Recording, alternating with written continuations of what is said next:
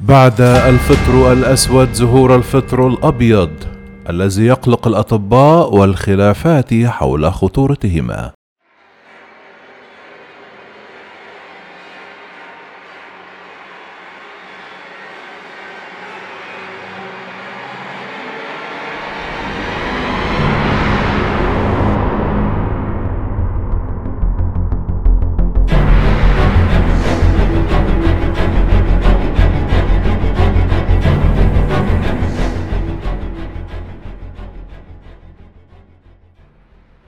بعد انتشار الفطر الأسود بين المصابين بفيروس كورونا في الهند اكتشفت حالات إصابة بالفطر الأبيض والتي ظهرت في ولاية أوتار براديش بحسب تقرير نشره موقع إنديا توداي وبالرغم من أن الإصابة بمرض الفطر الأسود غير معدية إلا أنها يمكن أن تتسبب بالتهابات خطيرة للذين يعانون من ضعف الجهاز المناعي حيث يهاجم الجهاز التنفسي بحسب مراكز مكافحة الأمراض والوقاية ومنها ال CDC تشير التقديرات الذي نشرته شبكة CNN أن نصف المصابين أو حتى المتعافين من كورونا في الهند يمكن أن يصابوا بالفطر الأسود خاصة وأن العديد من أدوية معالجة مضاعفات هذا الفيروس تثبت الجهاز المناعي في الجسم مما يجعله بيئة خصبة يمكن أن يلتقط عدوى الفطر الأسود بسهولة.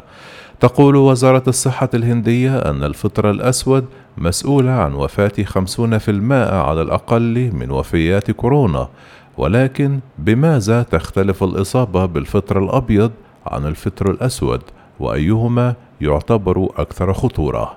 داء المبيضات الجلدي أو سلاق الفم أو حتى القلاع الفموي جميعا أسماء تطلق على الفطر الأبيض والتي تمثل حالة من تراكم نوع من الفطريات والمعروفة باسم كانديدا البيكنز وتحديدا على اللسان والتي تظهر ببقع بيضاء داخل الفم وذلك وفقا لموقع مايو كلينيك وقد يكون أحيانا من الطبيعي وجود هذا النوع من الفطريات داخل الفم ولكن خطورتهما تكمن عندما تتفشى لتصل إلى سقف الفم أو اللثة أو اللوزتين. وعادة ما يرى الأطباء هذا النوع من الفطريات بين الرضع أو كبار السن. أو أي من الأشخاص الذين يتلقون علاجات تخفض مستوى عمل الجهاز المناعي والتي قد تكون مشكلة كبيرة إذا كان الجهاز المناعي ضعيف وغير قادر على مقاومتهما. وفي حالات الإصابة الشديدة قد لا يستطيع الشخص بلع الطعام أو تشعر بوجود شيء في الحلق والتي قد تعني أن هذه الفطريات انتشرت ووصلت إلى المريء. إذا فأيهما أخطر؟ الطبيب الهندي أسوارا جيلادا وهو متخصص بالأمراض المعدية.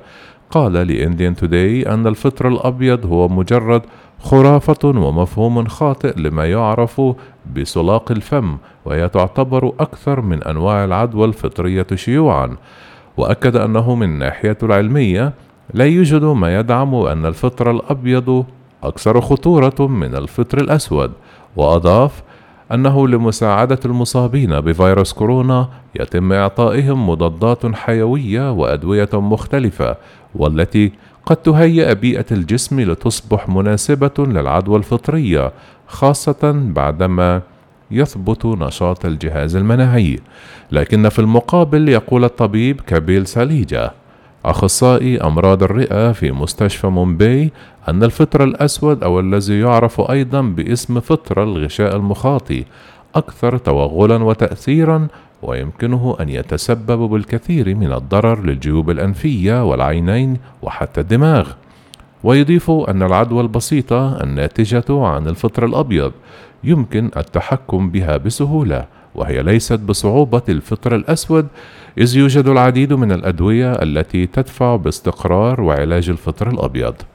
ورغم ما يقوله هؤلاء الأطباء إلا أن تقريرا نشرته شبكة نيوز 18 الهندية يقول أنه بعد الإبلاغ عن أربعة حالات مؤكدة بالإصابة بالفطر الأبيض يشير خبراء إلى أن العدوى الفطرية قد تصبح أكثر خطورة عما سبق.